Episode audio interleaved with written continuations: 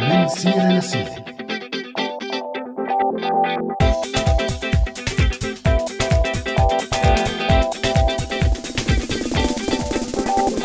يسعد مساكم مستمعينا مستمعي راديو سوريالي بحلقة جديدة من برنامج من سيرة لسيرة. معي أنا عزة وكمان معي همام من وراء المايك يسعد مساك همام. يسعد مساك عزة ومسا كل مستمعينا لليوم عبر راديو سوريالي بحلقة جديدة من برنامجكم من سيرة لسيرة يلي رح نرافقكم فيه. أنا وعزة لمدة ساعة من الوقت. همام عندي سؤال. نعم. تفضلي هاتي لنشوف. بحياتك عن جد. زرت شي متحف هيك عالمي أو مو عالمي؟ يعني بس إنه فيه آثار كتير. واستمتعت بإنك تعرف القصص والحكايات تبع هالآثار؟ هلأ بصراحة ما زرت غير متحف دمشق الوطني اللي بتذكر إنه للأسف وقت شفته كان فقير كتير بالمقتنيات الأثرية تبعه. هلأ بس هاد اللي شايفه مو معقول. كمل تذكر. بس المتحف الحقيقي بضيعتي عزة. من كتر ما فيها آثار قديمة بتتفركشي فيها. أوف كل هالقد. ليش دخلك وين ضيعتك؟ لا ما رح أقول لك هيك على الهوا مباشرة. أوف أوف أوف أوف. ليش بقى؟ بخاف يوصل الخبر لضعاف النفوس ويروحوا ينقبوا عن آثارها وما يخلوا فيها شيء إلا ما يبيعوه. إي والله إذا هيك معك حق يا همام. طب ليك شو رأيك الموضوع عن جد مهم؟ شو رأيك نحكي عنه بهالحلقة؟ قصدك عن التنقيب العشوائي عن الآثار يعني؟ إيه إيه تماما. إيه موافق. بس بالأول رح نمسي على أماني معدة البرنامج وغالية بمتابعة التعليقات وأكيد تيسير على الهندسة الصوتية. يسعد مساكم جميعا.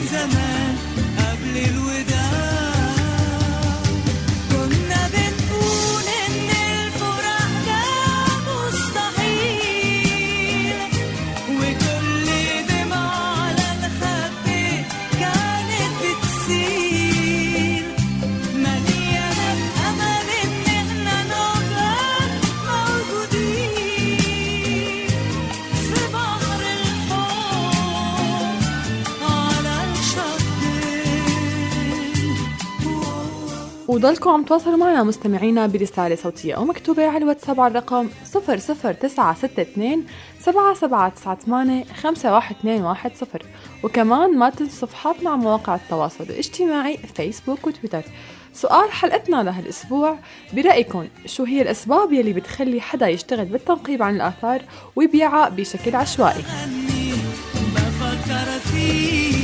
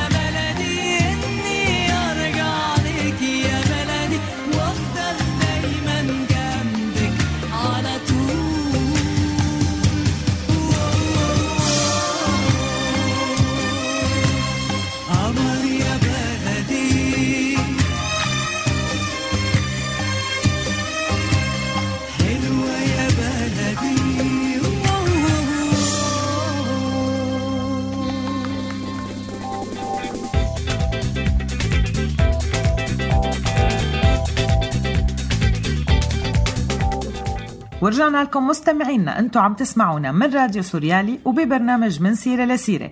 معي أنا عزة ومع زميلي همام وحلقتنا لليوم عم نحكي فيها عن التنقيب العشوائي للآثار بسوريا. وفقراتنا لليوم مستمعينا بتبدأ بسكتش درامي لأبو فاكر وأم جوزيف. رح نسمع فيه شو عمل أبو فاكر بالتمثال يلي لقاه منحوش بالشارع. وبالمنقوشة رح تحكي لنا رئيفة عن تل عجاجة بمنطقة الجزيرة السورية وتاريخه القديم. أما سما بشد حيلك فرح تحكي لنا عن نظرية النوافذ المحطمة بعلم النفس الجريمة واللي بتشرح وبتفسر عدم التزام الإنسان بالقوانين.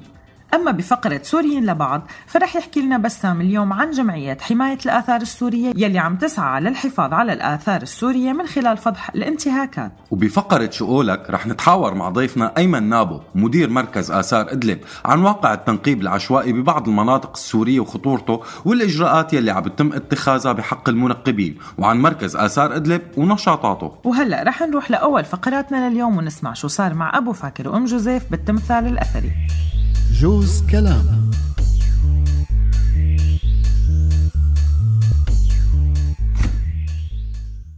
أم جوزيف أم جوزيف أم جوزيف تعي شوفي شو لقيت. شو لقيت؟ لك شوفي شوفي. شو هذا التمثال؟ لك إيه تمثال أثري؟ شكله روماني. تمثال روماني؟ ومن وين جايب التمثال الروماني أبو فاكر؟ لتكون عم بتنقب ها؟ لك وطي صوتك شو عم نقب هي ما عم نقب ولا شي رح تروحينا بخبر كان لكان من وين لك هالتمثال؟ لقيته نواحي باب شرقي يعني شلون لقيته؟ هيك كان ملحوش بالطريق؟ لا كان ملفوف بكيس وملحوش ورا سلة زبالة بالشارع أنا وقفت بدي كب محرمي بزبالة فإجت عيني عليه استغربت. مبين انه مو زبالة نكشته برجلي حسيته قاسي.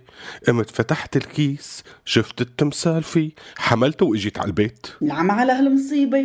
وين المصيبة لك أم جوزيف؟ لك ليكون مسروق. العمى إيه والله. مالك غير تحمله وتاخده على المتحف الوطني أو على مديرية الآثار وتسلمه. لك بركي طلع عن جد مسروق. أه بيبلوني فيه. لا ما بيمشي الحال. فاكريننا بشغلة تانية. إيه شو بعرفني؟ هذه اللي إجت بالي. العمى من وين إجتني هالورطة هي؟ والله أنت اللي جبتها لحالك. وقال مبسوط فايته بايده تمثال. اجتني فكرة. شو هي؟ رح آخده وروح اشيقرني حوالين المناطق اللي فيها آثار. ادفنه بالأرض ويا دار ما دخلك شر. إيه ممكن. وخلي الأجيال الجاية تنقب وتطالعوا. إيه والله. يلا يا رب.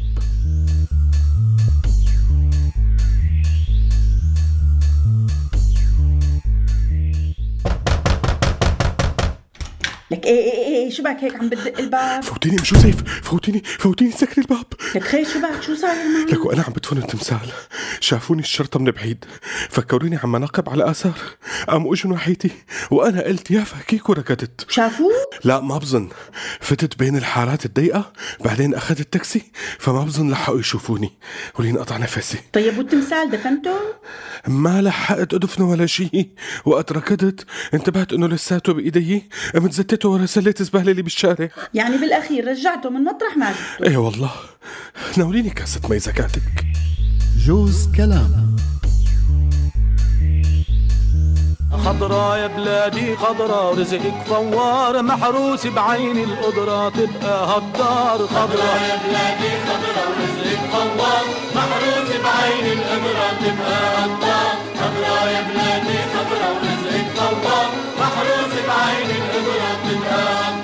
أول ما الشمس بتوع علينا بتطل تخلي الليل من شموعها أنوار تهل تخلي الليل من شموعها أنوار تهل تخلي الليل من شموعها أنوار تهل. وشناينا المزروعة ياسمين وفل طفل وطفلي دلوعة يسقوا الأزهار. خضرا يا بلادي خضرا ورزقك طوار محروس بعين القدرة تبقى هالدار خضرا يا بلادي خضرا محروس بعين ينطوا من شجرة لشجرة تيغموا عشوش ومن راس التوت الخضرا شونا كبوش ومن راس التوت الخضرا شونا كبوش ومن راس التوت الخضرا شونا كبوش طفلي وما عمره عشرة تحمل منكوش وطفلي إلا يا صبرا مشي مشوار. خضرا يا بلادي خضرا ورزقك طوال محروس بعين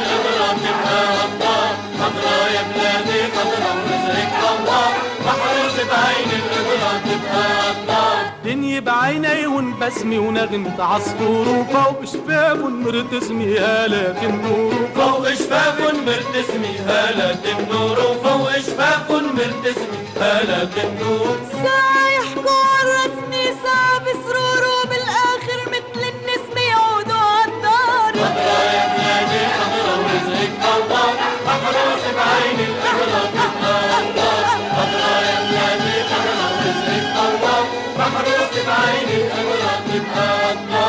الله تبقى غدار يا الله تبقى غدار يا الله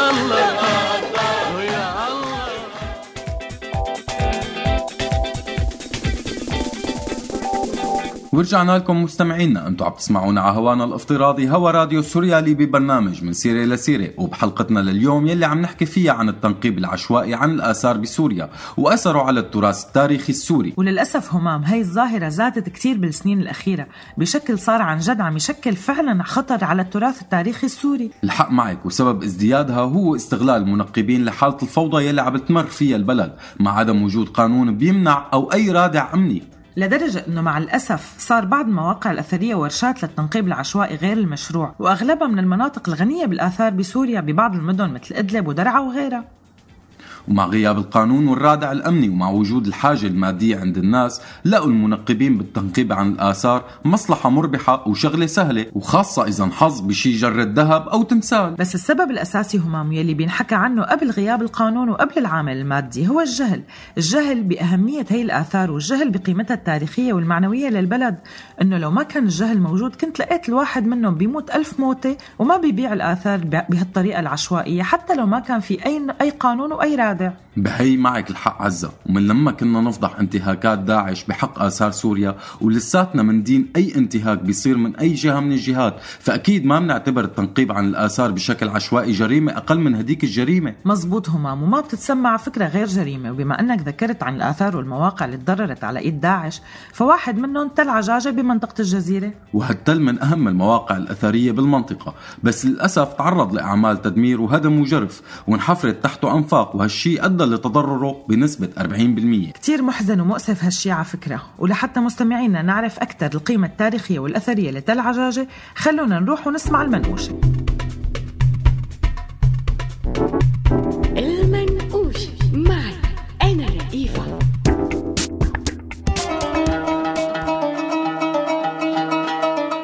منطقة الجزيرة بسوريا هي منطقة معروفة بكثرة تلالة وهي التلال استوطنها الإنسان القديم لطبيعتها يلي بتناسب طبيعة حياته.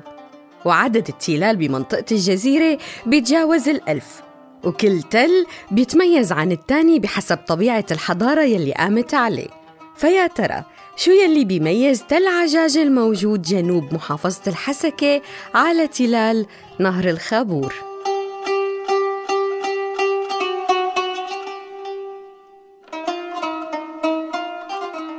هو واحد من التلال الخمسة يلي بتضم بقايا مدينة عربان يلي حكوا عنها كتير من الرحالة يلي مروا بالمنطقة عبر التاريخ. وهي المدينة كانت من أعظم مدن الخابور بفترة العصور الإسلامية. وعند هذا التل بالذات بنى القائد نور الدين الزنكي جسر بمر من فوق نهر الخابور. بعض العلماء بيتوقعوا أنه موقع تل عجاجة هو نفسه موقع شاديكاني الآشورية لأنه وقت تم التنقيب بالموقع سنة 1850 لقوا المنقبين بقايا قصر آشوري وعدد من التماثيل مثل الثور المجنح وكؤوس عليها نقوش وخمس منحوتات بتمثل ثلاث ثيران إلها رأس إنسان وتمثال لسبع وتمثال لجني مجنح. وهذا النوع من التماثيل بينحط عادة عند مداخل القصور وهذا يلي خلى العلماء يعتقدوا بدرجة كتير كبيرة إنه التل بيخفي جواته مدينة شاديكاني يلي ذكروها الملوك الآشوريين بسجلاتهم بالقرن التاسع قبل الميلاد.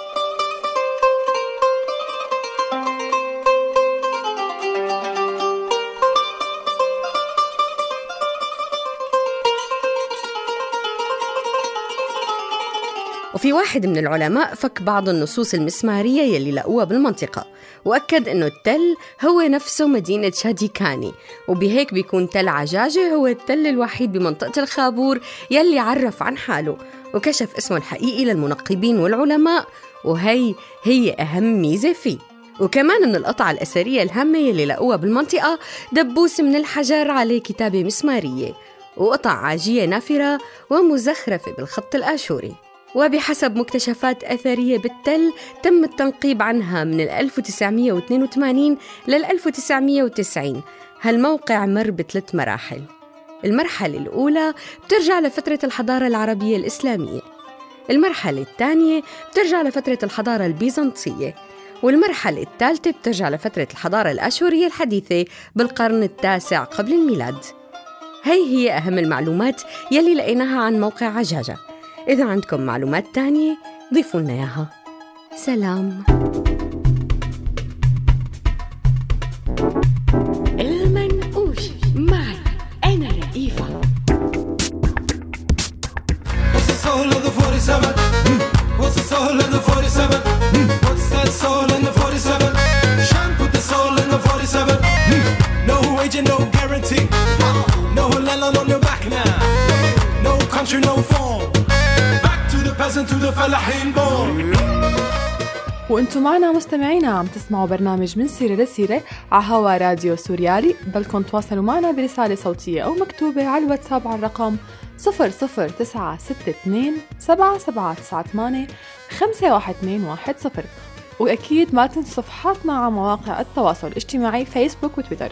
سؤال الحلقة برأيكم شو هي الأسباب يلي بتخلي حدا يشتغل بالتنقيب عن الآثار ويبيعها بشكل عشوائي. وما خيرت ردا ردا وجه العدا درب القوافي بنعرفها طفني ورود تلم تلم ربي معبود راسي العهود وقت الحزم. حنا الجنود حرب وسلم رغمان حدود عنا حلم الغياب نستقبلها يا ابن العين يا ابن النهر يا ابن النبع يا ابن البحر. ابن السمكو الزنقة. هاي الزقة وهاي إحنا بنت العين بنت النهر بنت النبع وبنت البحر. بنت السمكو الزنقة. هاي الزقة وهاي إحنا معنا أحد تعليقات على صفحتنا على الفيسبوك حسام عم بيقول بيكون متشارط هو وحدا إنه بيقدر ينقب عن الآثار ويبيعها وبيجي بينقب وبي... وبيبيعها عفوا وبيربح الشرط. هيك بيكون كسب ماديا من رباحة الشرط. شكرا يا حسام على مشاركتك. ومعنا كمان صديقنا حمزة عم بيقول عمليا هو سبب مادي نفسي. لما بتكتر الشائعات عن هيك قصص والأحلام الوردية إنه يكون في كنوز بالنهاية ببلش الشخص بالتنقيب وصعب جدا يستسلم ويرجع لحياته الطبيعية وشغله. طبعا كله مرتبط بالمستوى الاقتصادي الضعيف والبطالة. لو فرضا كان ح- وضعه المادي جيد أكيد ما رح يفكر بهي الأمور. وخصوصا أنه هي عواقبها أبدا ما لها سهلة. بالتالي غير هيك بيكون عنده شغف للتنقيب. شكرا يا حمزة على مشاركتك.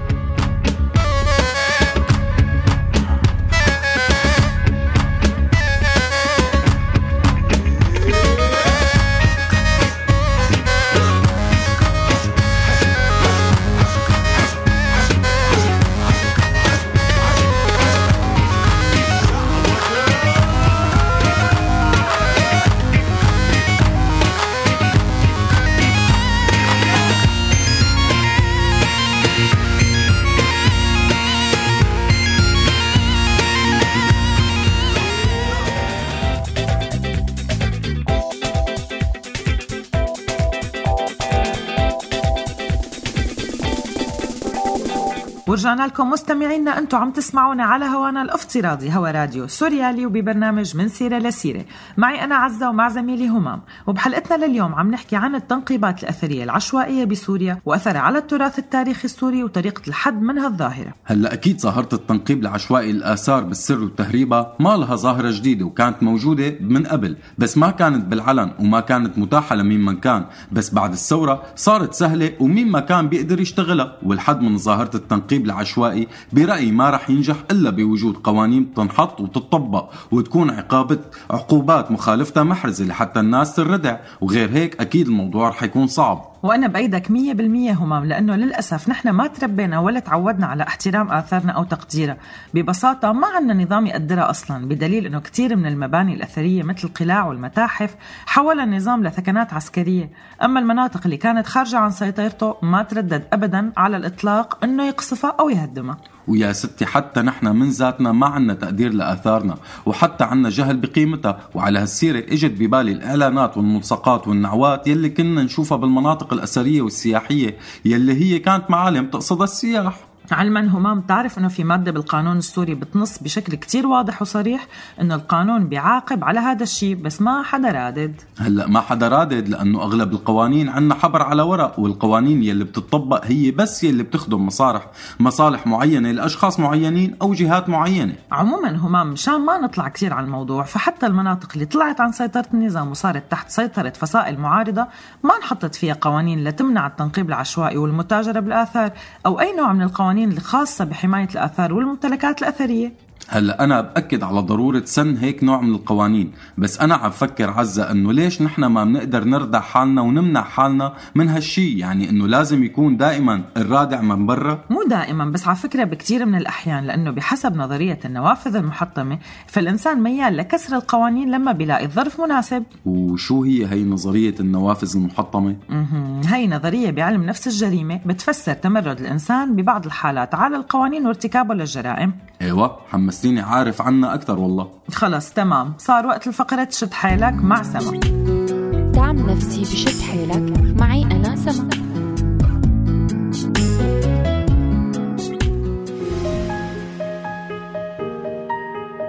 مرحبا. تمرد الإنسان على القوانين وشيوع الجريمة. هو ظاهرة قديمة حاولت السلطات تسيطر عليها. وحاول العلم يفسرها. واشتغل عليها عدة نظريات بمجالات علم الاجتماع وعلم النفس وعلم الجريمة. وفينا نقول إنه من أهم هالنظريات نظرية النوافذ المحطمة يلي حطوها جيمس ويلسون وجورج كلينج واللي ركزت على القوانين نفسها وتطبيقها أكثر ما ركزت على الفرد وأسباب عدم انصياعه واتباعه للقوانين. النظرية بسيطة كتير. بتقول إنه كل انتهاك كبير للقانون ببلش من انتهاك صغير بعبارة تانية التساهل بالأمور الصغيرة هو يلي بيوصل للانتهاكات الكبيرة والجرائم. يعني بالعامية النار الكبيرة أصلا شرارة. فمثلا إذا حدا كسر شباك بالشارع وما حدا اهتم رح يجي حدا تاني ويكسر شباك تاني بدون أي مبالاة أو إحساس بالذنب لأنه هو ما شاف أي اهتمام بكسر الشباك الأول. ورح يجي الثالث ويشوف شباكين مكسورين ورح يصير أسهل وأسهل إنه يكسر شباك ثالث وهيك رح تنتشر الفوضى بالبناء. وبعدين رح تنتقل لبناء تاني. واللي بيشوف الشبابيك مكسرة رح يكون سهل من باب العبث إنه يكسر شبابيك السيارة. وبنفس الطريقة بتتكسر شبابيك السيارات. ويلي بيشوف الشارع بهالحالة ما رح يتردد بإنه يقتحم أي بيت فيها. فالحالة باختصار إنه أول انتهاك صغير للقانون تواجه بعدم الاهتمام. ساعد على إنه الانتهاك يزيد ويزيد. لحتى صار حالة عامة بالمجتمع.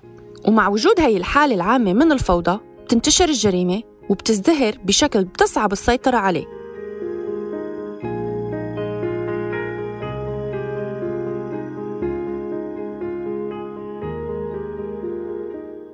جوهر هي النظرية مبني على علم النفس البشري يلي بيقول إنه الإنسان عنده قدرة وحب للانضباط والالتزام بالقوانين والآداب العامة.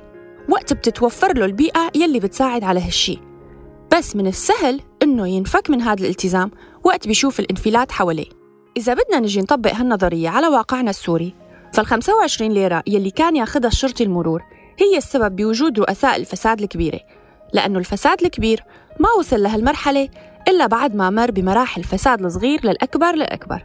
وسرقة الآثار يلي عم يتم تهريبها ما وصلت لهالمرحلة لولا التغاضي عن التنقيب العشوائي يلي عم بيصير ببعض المناطق على مستويات صغيرة. وطبعا هذا الكلام أبدا مو معناه إنه إذا شفنا الانفلات نبطل نحن نلتزم بالعكس خلونا نحن نقلب الموازين ونبلش نطبق هالنظرية على حالنا ونضبط الأمور الصغيرة قبل الكبيرة ليسود القانون الكفيل بتنظيم حياتنا. وضلوا بخير. دعم نفسي بشد حيلك معي أنا سما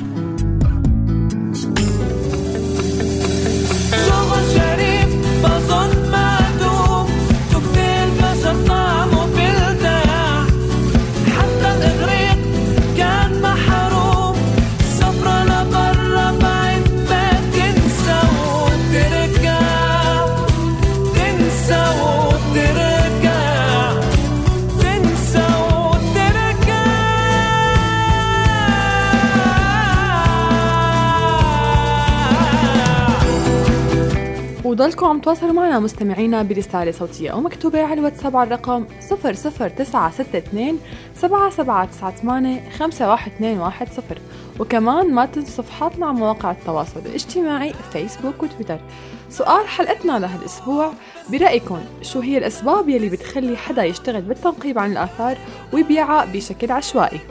محمد عم بيقول البحث عن عراقة الأجداد أما إبراهيم عم بيقول ملء أوقات الفراغ.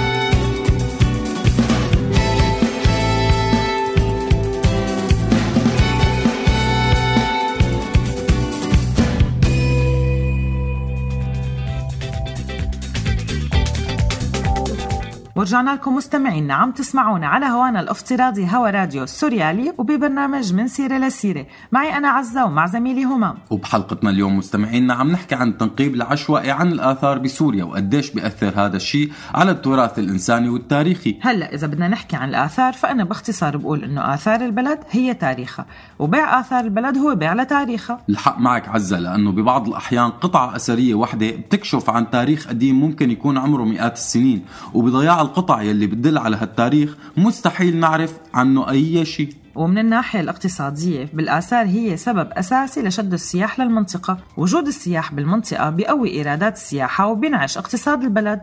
وإذا البلد ما في تاريخ وما في حضارة ما رح يكون فيه سياحة. هلأ عزة مين مدور على السياحة والإيرادات يلي عم تجيها؟ لك يمكن هلأ همام مانا مدورين وما حدا عم يفكر بالموضوع لأنه في شيء أهم وتحت الأضواء أكثر بس بكرة رح نصحى ونلاقي حالنا خسرنا ثورة اقتصادية وإنسانية ما بتتعوض. بهي الحق معك عزة ومشان هيك في مؤسسات ومنظمات حاولت تعمل الشيء اللي الحكومة عجزت عن إنها تعمله وحاولت تشتغل قد على قد إمكانياتها لحماية الآثار السورية والمحافظة عليها. ومن هي المؤسسات جمعية حماية الآثار السورية يلي رح يحكي لنا عنها زميلنا بسام بفقرتنا الجاية سوريين لبعض.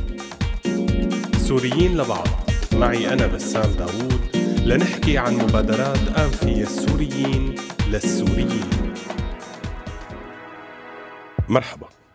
كلنا بنتفق على أنه حماية آثار البلد هي حفاظ على تاريخها وكل الفوضى اللي صارت بالبلد مؤخرا شملت للأسف آثار البلد.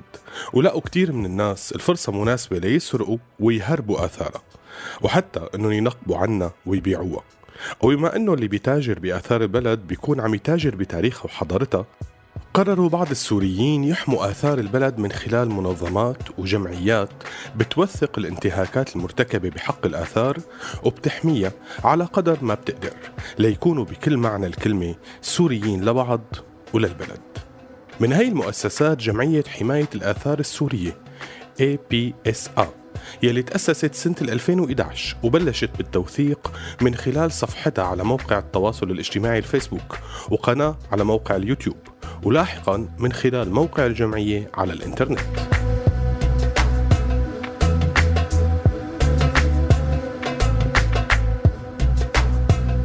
الهدف الأساسي لتأسيس الجمعية التوثيق المتعلق بالآثار والتراث السوري من خلال البحث وجمع ونشر المعلومات عن الأخطار المحيطة والانتهاكات اللي لحقت بالتراث التاريخي والأثري بسوريا.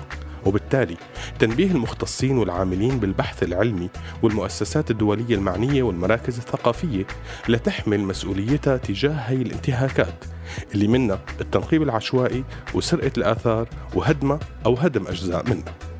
ملف التوثيق من وثائق ومقالات ودراسات وفيديوهات منشورة ومأرشفة كلها على موقع الجمعية الإلكتروني وبيشتغل عليها فريق عملي بيتأكد من كل معلومة من مصادرها قبل نشرها وأحيانا بيتم التحفظ على المصادر لأسباب بتمس أمنهم وسلامتهم. أعضاء جمعية حماية الآثار السورية هن مجموعة من المتطوعين. قرروا أنهم يسخروا مهارتهم العلمية والعملية ومعارفهم إن كانت بمجال الآثار أو الصحافة أو العلوم التخصصية الثانية لتوثيق الأخطار والكوارث اللي عم تهدد الآثار السورية. وهن مواطنين سوريين بالإضافة لبعض المتطوعين الأجانب.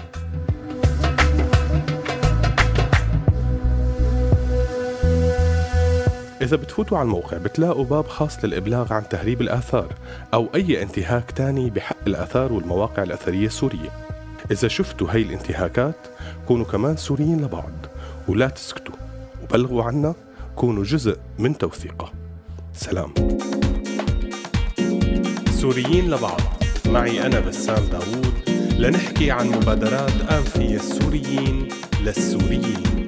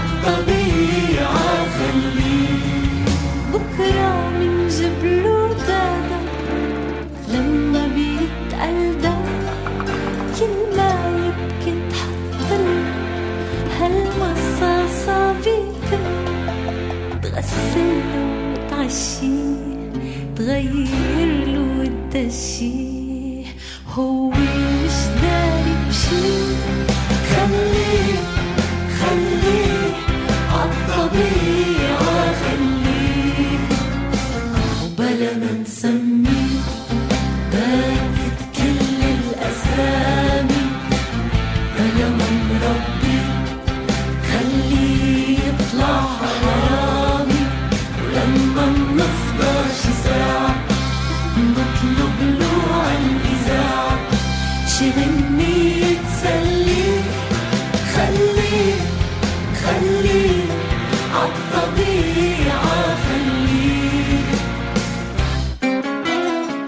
وأنتم معنا مستمعينا عم تسمعوا برنامج من سيرة لسيرة على هوا راديو سوريالي بلكم تواصلوا معنا برسالة صوتية أو مكتوبة على الواتساب على الرقم 00962 7798 51210 وأكيد ما تنسوا صفحاتنا على مواقع التواصل الاجتماعي فيسبوك وتويتر. سؤال الحلقة برأيكم شو هي الأسباب يلي بتخلي حدا يشتغل بالتنقيب عن الآثار ويبيعها بشكل عشوائي؟ محمد غسان عم بيقول من الضيم والفقر والعتار وكمان معنا أحد التعليقات صديقنا نديم عم بيقول الجهل بقيمة الآثار الحقيقية والحاجة المادية. طبعا شكرا أصدقائي على مشاركاتكم بلا ما نسميه كل الأسامي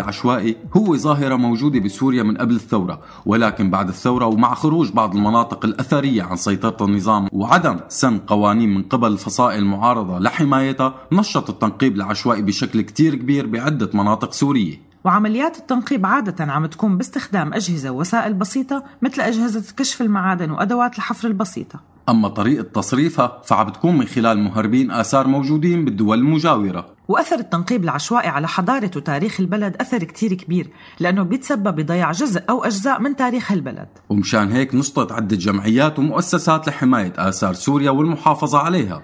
ومنها المركز السوري لآثار إدلب يلي رح ينضم لنا مديره أيمن نابو لنتحاور معه عن ظاهرة التنقيب العشوائي وخطورتها وطرق الحد منها وكمان لنحكي أكثر عن مركز آثار إدلب ونشاطاته وأعماله. أهلا وسهلا فيك السيد أيمن نابو مدير مركز آثار إدلب ضيف عزيز ببرنامج من سيرة لسيرة على هوا راديو سوريالي. يسعد مساك أستاذ أيمن. أهلا وسهلا تحياتي لك. آه، بداية انتشرت مؤخرا ظاهرة التنقيب العشوائي بعدة مناطق بسوريا. برأيك شو سبب انتشار هي الظاهرة؟ نعم.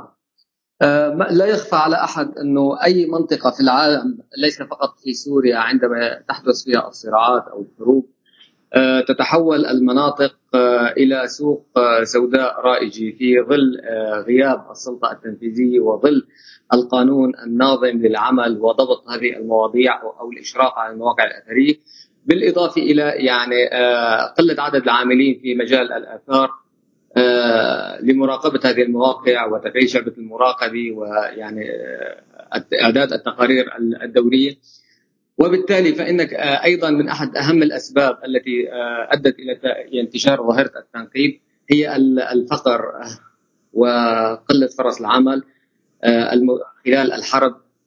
آه، جعلت الكثيرين من الناس سواء كانوا أشخاص أو أفراد أو جماعات يتجهون إلى إلى التنقيبات العشوائية.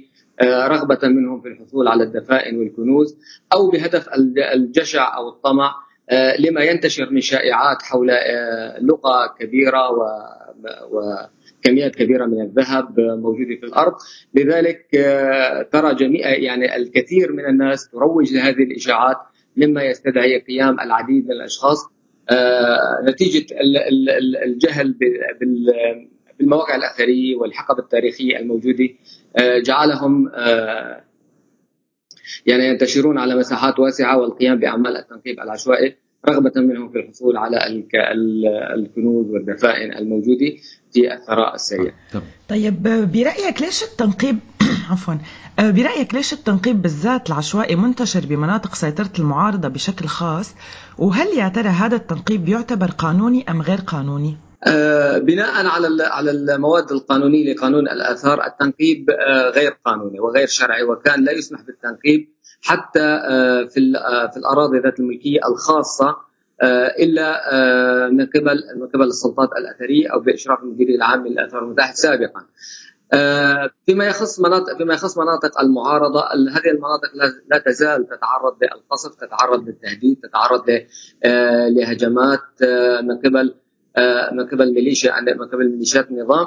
لذلك آه، يعني غياب الأمن آه، غياب الأمن وقلة آه، يعني قلة العاملين في مجال الآثار جعل هذه المواقع عرضة أكثر للتنقيب من مناطق من مناطق المعارضة التي لا تزال آه، يعني قادرة على بسط آه، ال- الأمن أو التعامل بالقوى الأمنية، ولكن هذا لا يعني بأن بأن المناطق المناطق الخاضعة لسيطرة النظام يعني لا يحدث فيها التنقيب، آه، على العكس تماما هناك ميليشيات آه، كامله تقوم آه، بحفريات وتقوم بالبحث عن الكنوز بتنقيب عشوائي آه، يعني على آه، غفلة من آه، من المديرية العامه للاثار والمتاحف آه، وقد يكون هناك رجال أمن مشرفون على العمل آه، العمل في التنقيب وال آه، وتهريب الأثار أيضا. حلو. طيب أستاذ أيمن آه، تحكي لنا شوي عن الأدوات والوسائل يلي عم يتم فيها التنقيب عن الآثار؟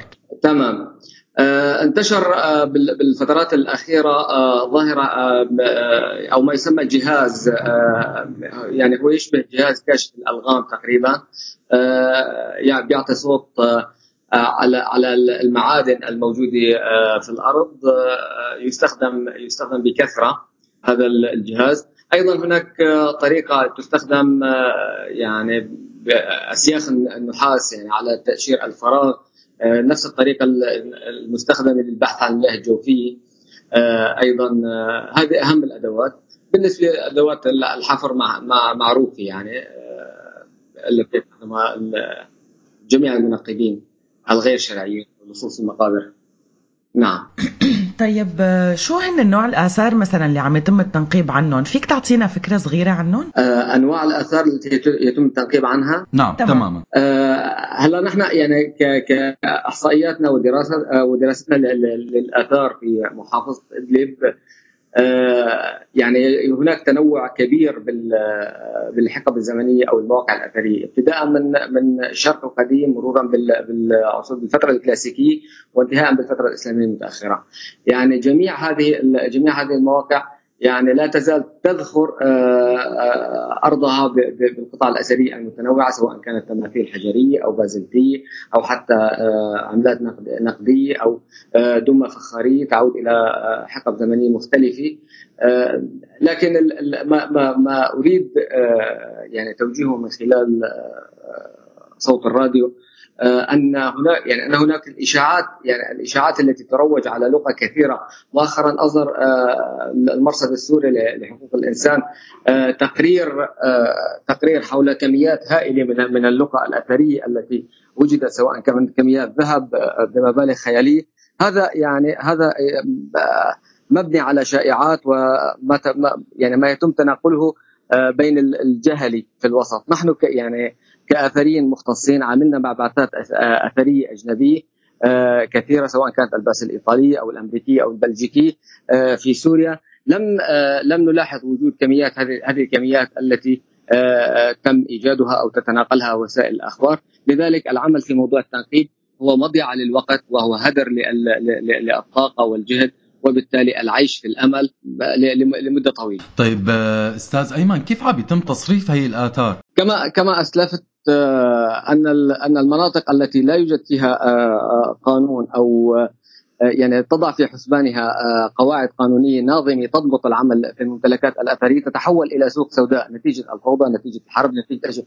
فتلاحظ أن هناك التعامل في الآثار يعني كما آه، يعني كأي سلعة تجارية يتم تداولها في آه، في- في الداخل. وبالتالي فإن هؤلاء هؤلاء التجار الذين يتاجرون في في ال- في الآثار أو في الممتلكات الثقافية على ارتباط آه، مع على ارتباط مع التجار بمناطق أخرى خارج خارج حدود الوطن سواء كانت في تركيا أو في لبنان أو حتى أو حتى عرض مؤخرا تماثيل لتدمر في متحف في متحف تل أبيب. يعني تصل هذه عبر عبر شبكات عبر شبكات متصلة آه، آه، قد تكون عالمية. قديش عن جد قديش هلأ وانت عم تحكي إنه قديش توزعت الآثار وبهي الطريقة قديش هذا الشيء خطر على حاضر. حاضر سوريا ومستقبلها ويعني إذا ما بدنا نقول تاريخها وآثارها فيك تحكي لنا شوي عن الخطورة اللي اللي بتسببها انتشار هذا. هذا الشيء تمام يعني نزيف نزيف التاريخ باتجاه آه، ب- باتجاه دول دول العالم آه، فقط أريد أن أتحدث عن عن آه، عن مثال واحد.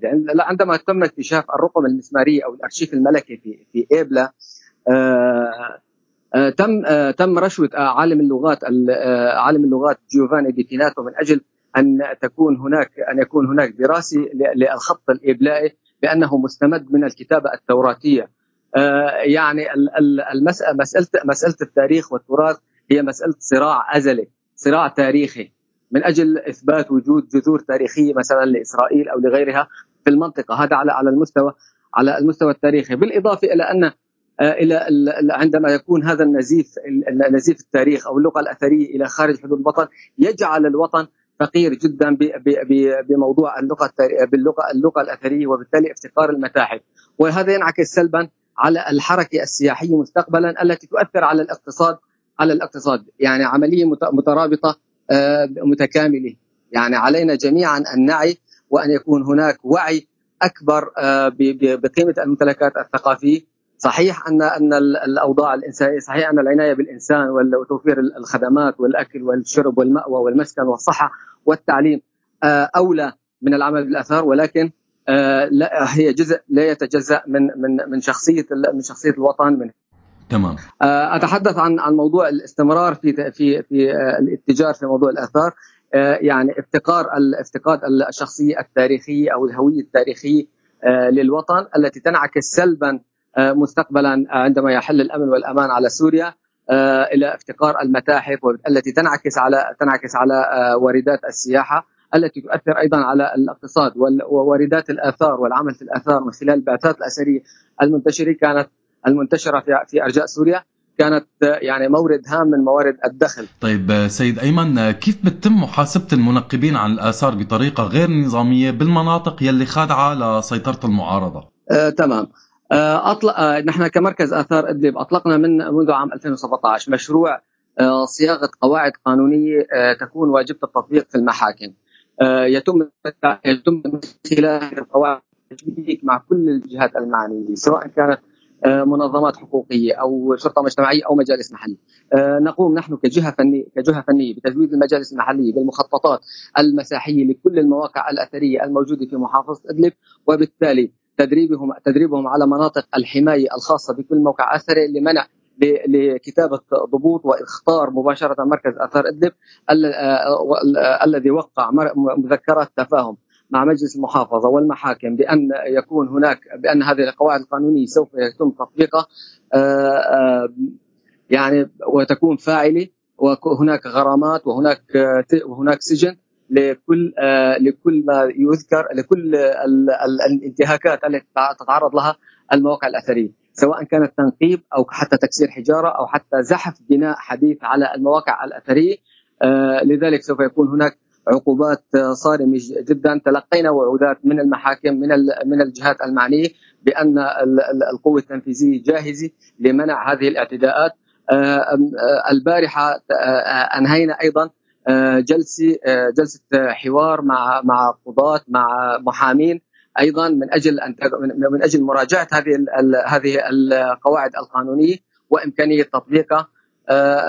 يعني تلقينا وعودات آه، يعني كبيرة إن شاء الله سوف تنعكس ايجابا على حماية الممتلكات الثقافية ومنع هذه ومنع التجاوزات عليها والانتهاكات. تمام نتمنى أكيد يصير هالشي. طيب آه، أستاذ أيمن في أي جهات تانية عم تشتغل على حماية الآثار والحد من التنقيب العشوائي؟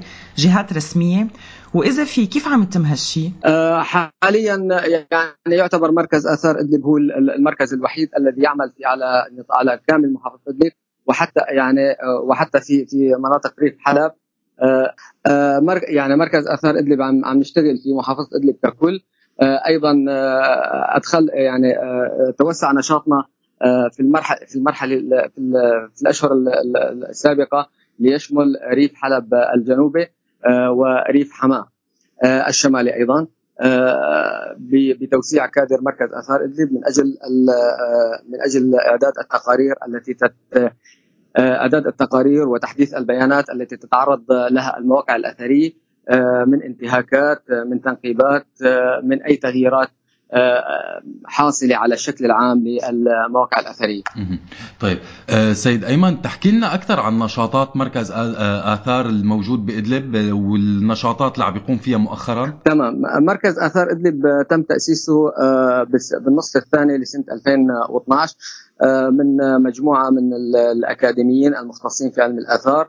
آه، بدأنا العمل بالتوثيق آه، بالتوثيق عندما بدأت تنتشر ظواهر التنقيب آه، وعندما كانت إدلب أيضا آه، لا تزال تحت سيطرة آه، يعني جيش جيش النظام استخدم المتاحف كسجون يعني وثقنا كل هذه العمليات.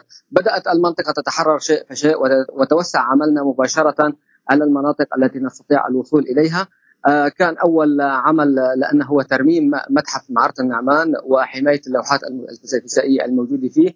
أيضا من الأعمال التي قمنا فيها هي حماية 1700 قطعة أثرية كانت آه، تم يعني وجدت في أحد في أحد في أحد القرى آه، حيث تم الاتصال آه، بنا من قبل صاحب العقار.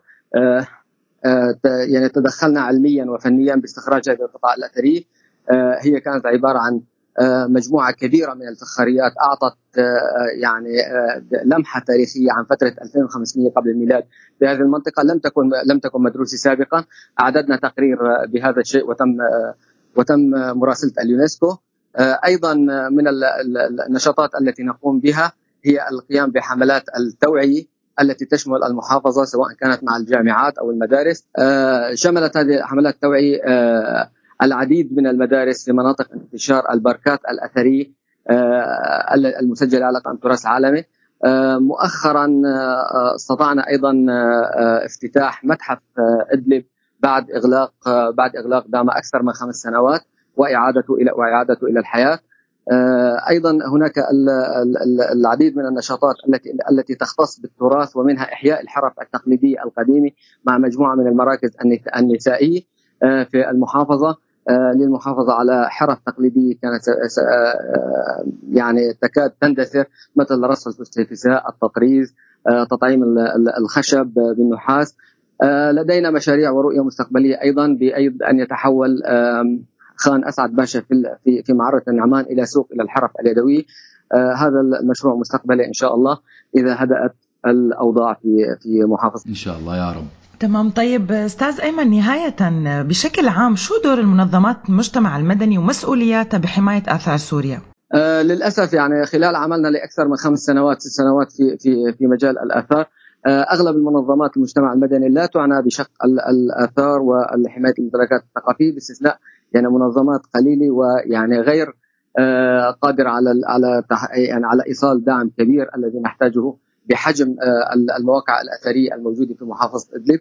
آه آه ما نعانيه أيضا هو عدم اعتراف اليونسكو فينا كجهة كجهة فنية علمية إدارية تعمل في المناطق المحررة وترفض التعامل إلا مع إلا مع المديريه العامه للنظام.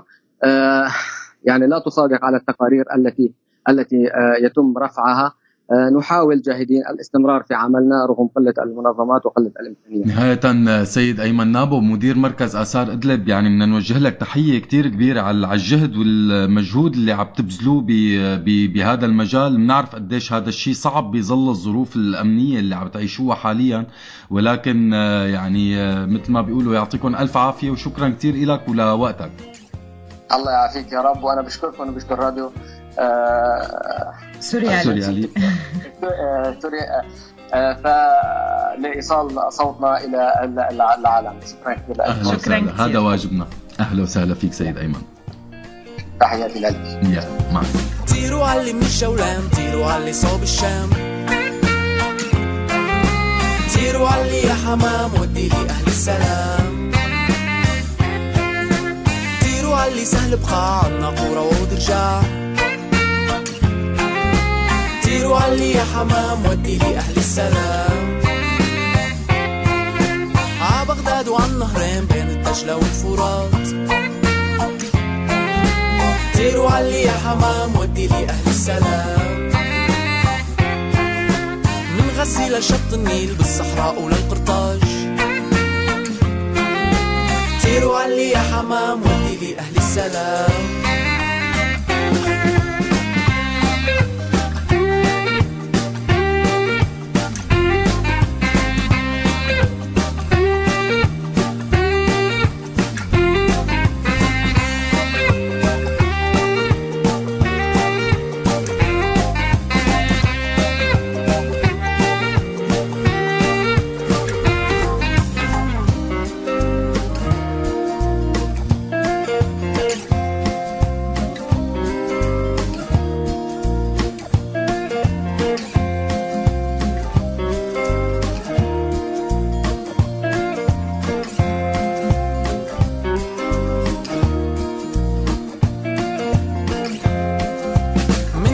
67 احتلال ومش عارفين صرنا طيور جناح مكسرين.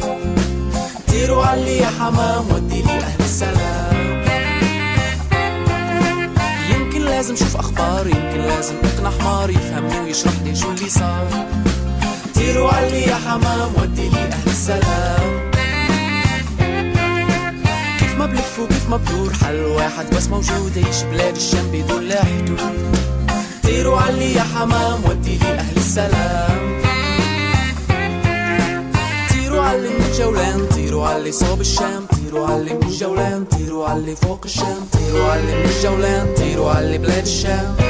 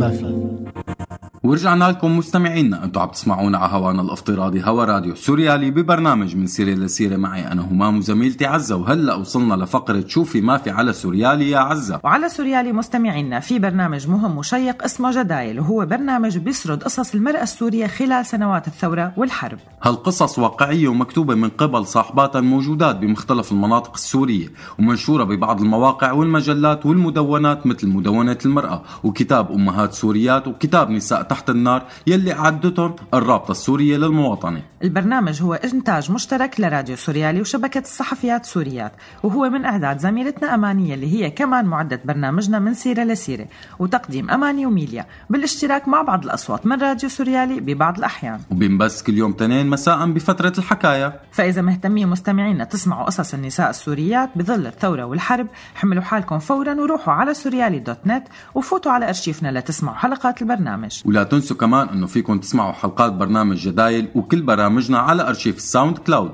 وهلا مستمعينا رح نطلع فاصل صغير وراجعين. استنونا. لو جمعنا دموع الأرض يطلع معنا نهر دموع لو جمعنا دموع الأرض يطلع معنا نهر دموع ناس بتزرع ناس بتقطع ناس بتزرع ناس بتقطع ناس التخمين. في ناس بيقتلها الجوع.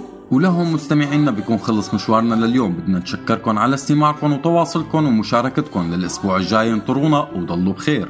أنا بدوري كمان بدي أشكركم مستمعينا وبدي أشكر أماني معدة البرنامج وفريق الإنتاج براديو سوريالي إياد كارولين بسام رئيفة سما طارق حسان غالية والكل. وكمان أكيد بدي أشكر تيسير على الهندسة الصوتية ورح ودعكم هلأ على خير وعلى أمل اللقاء. كنت معكم أنا عزة. وأنا همام ناس بتقطع ناس بتقتلها التخمين في ناس بيقتلها الجوع. عالأرض الزرقاء